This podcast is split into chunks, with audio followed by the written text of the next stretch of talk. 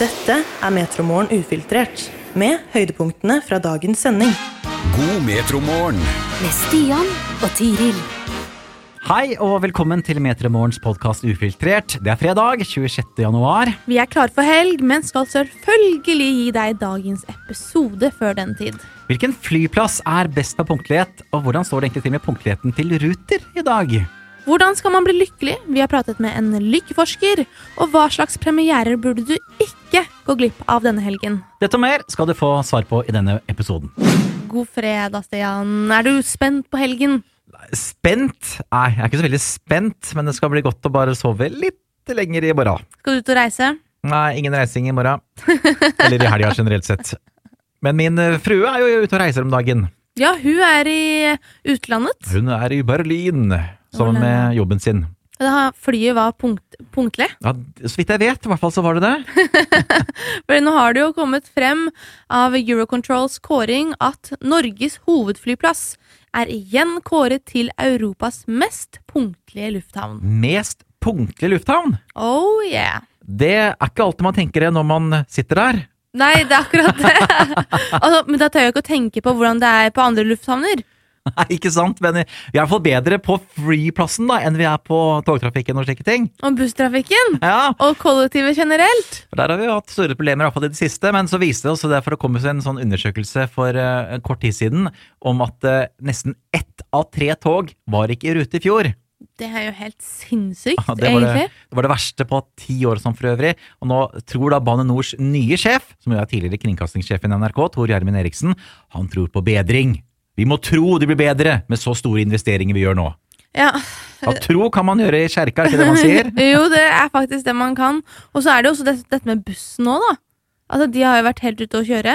Ja, og det er litt problemer også i dag med yeah. busstrafikken, så ja. Og det er litt fordi meteorologene har meldt gult farevarsel, så da forbereder Ruter seg på at det kan ja, bli litt uh, problemer med busstrafikken i Oslo og Akershus i dag. Men jeg så jo en artikkel der det sto at eh, Ruter har liksom hatt så mye problemer i det siste og gjort en dårlig jobb at de vurderer å gi en uke gratis Oi! kollektivtransport. Ja, det er jo ikke verst i så fall. Men den saken har jeg ikke sett noe mer til, så jeg vet ikke helt hva som skjedde der.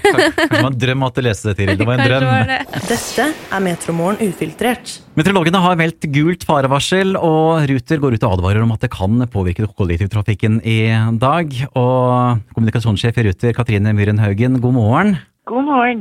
Ja, Hvordan ligger det an så langt denne fredagsmorgenen? Foreløpig så går veldig mye som det skal i kollektivtransporten, men eh, i løpet av dagen så kan det endre seg. Det er meldt gult farevarsel, som du sier.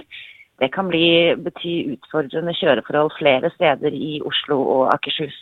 Hvor er det oftest det er problemer i Oslo og Akershus når det kommer til kjøreforholdene?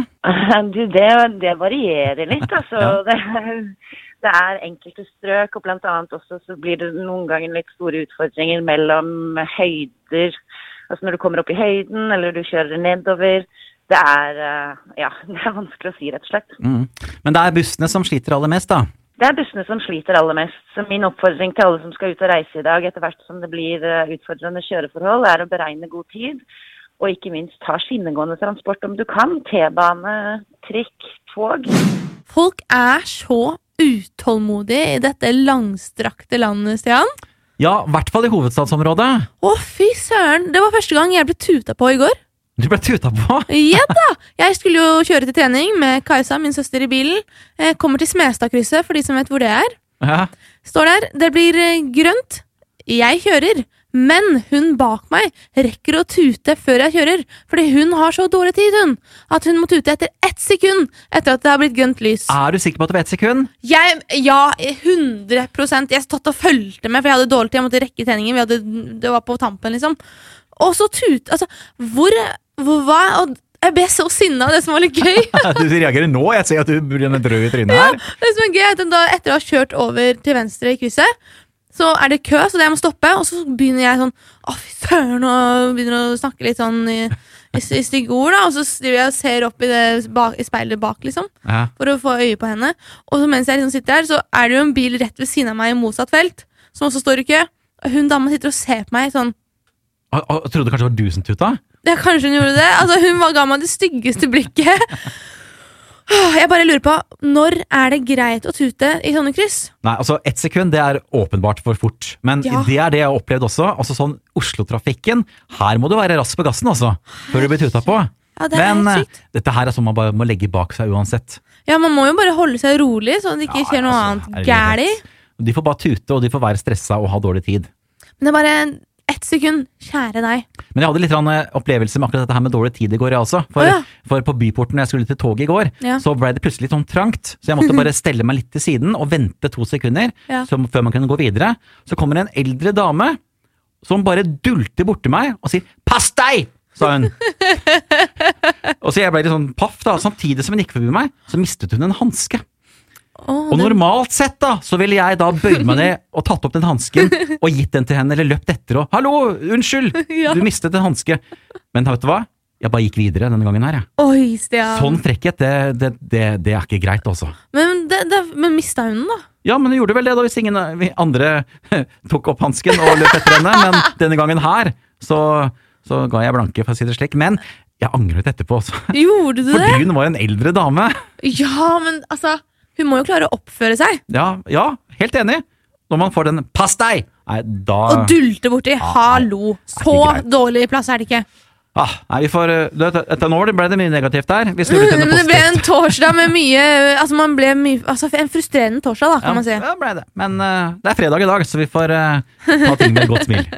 Hør oss når du vil, der du finner dine podkaster. Og som vi var litt innom, så er lykken her i landet litt på vei ned. Forsker Ragnhild Bang-Nes, god morgen. God morgen. Du forsker på lykke, du. Ja, jeg gjør det. Altså livskvalitet, lykke, hverdagsglede. Hvorfor vil du det? Eh, mhm. Jeg fikk ingen annen jobb. Nei. Du, jeg tenker det er noe av det viktigste spørsmålet i, i verden, og, og på politikken for den saks skyld. Altså hvordan vi kan legge til rette for gode liv. For jeg tenker jo det er det det handler om. da. Hvordan vi kan skape gode liv for, for folk. Både enkeltindivider og hele samfunnet. Nå viser det seg at, denne viser at lykken har gått noe ned, da. Men vi er jo fortsatt høyt oppe på Ja. verdensbasis. Ja, vi er et av eh, verdens mest lykkelige, mest tilfredse nasjoner. Vi ligger blant de ti på topp, og i fjor så var vi rangert som nummer syv. Eh, Men den har gått eh, noe ned over tid. Det startet før pandemien, egentlig. Særlig blant unge. Og så er nok nivået nå lavere enn eh, både før og under pandemien. Så det er kanskje ikke så rart heller med det verdensbildet med krig og dyrtid og klimakrise og ulikhetskrise. Så det er ganske naturlig. Men hva skal vi kunne gjøre selv da, Ragnhild, for å bli litt, litt lykkeligere? Ja, det er ganske mange ting vi kan gjøre selv. Eh, mange gode grep som vi vet fungerer. Vi er litt forskjellige, så det er noe med å, identifisere hva man selv trives med og liker å gjøre mer av det, og mindre av det som, som bringer stress og ubehag i, i livet. Og så er det noe med å tenke gjennom hver dag hva som faktisk går bra. Fordi det er så mye hverdag og utfordringer eh, og rutiner og kjedelige ting og bekymringer. Så det å bli flinkere til å legge merke til de små eller store gode tingene som skjer, og gi dem mer plass på de i hjernen og i, i, i hverdagen, det er veldig viktig. For da får vi, får vi mer eh, hverdagsglede inn i livet. Og så har vi jo fem grep som vi jobber mye med, og som vi har testet ut, og vi vet de virker. De er liksom som en slags bivirkningsfri em, kur for, eh, for det gode liv. Og det handler om å knytte bånd. Det å gjøre gode og hyggelige ting med og for andre. Gjøre noe stas med venner osv. Det å være fysisk aktiv, det er en slags mirakelkur. Og man trenger ikke løpe maraton. Det er nok med litt uh, mikrotrening og dans på gulvet eller en tur rundt kvartalet. Um, det å være til stede i livet, være i samtalen, i eh, øyeblikket, det å bruke det som en ladestasjon. Og så er det det å lære nytt, faktisk. For lykke handler ikke bare om å ha det liksom behagelig, men også om å strekke seg og oppleve mening og nysgjerrighet og interesse. Og så er det siste av disse fem det å gi eller bidra overfor andre. Vi er på en måte plakter, så vi trenger å, å inngå i en sammenheng og hjelpe hverandre. Og de tingene som har vært viktige gjennom vår utviklingshistorie, de har på mange måter blitt kobla biologisk til, til belønningssystemet vårt. Tusen takk, eh, Ragnhild Bang-Nes, lykkeforsker, for eh, de gode tipsene. jo, bare hyggelig. Dette er Metromorgen ufiltrert, med høydepunktene fra dagens sending.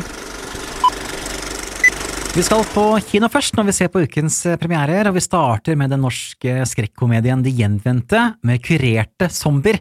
For hva skjer etter at kuren er funnet og zombieapokalypsen er over? Her kastes da de fire hovedpersonene sammen i et statlig program for tidligere zombier. Emma, målet er fredelig integrasjon til samfunnet. Det er jævlig naivt. Zombier og mennesker kommer aldri til å kunne leve sammen. Dere er faen meg ville dyr som enten blir bura inne eller slakta på åpen gate.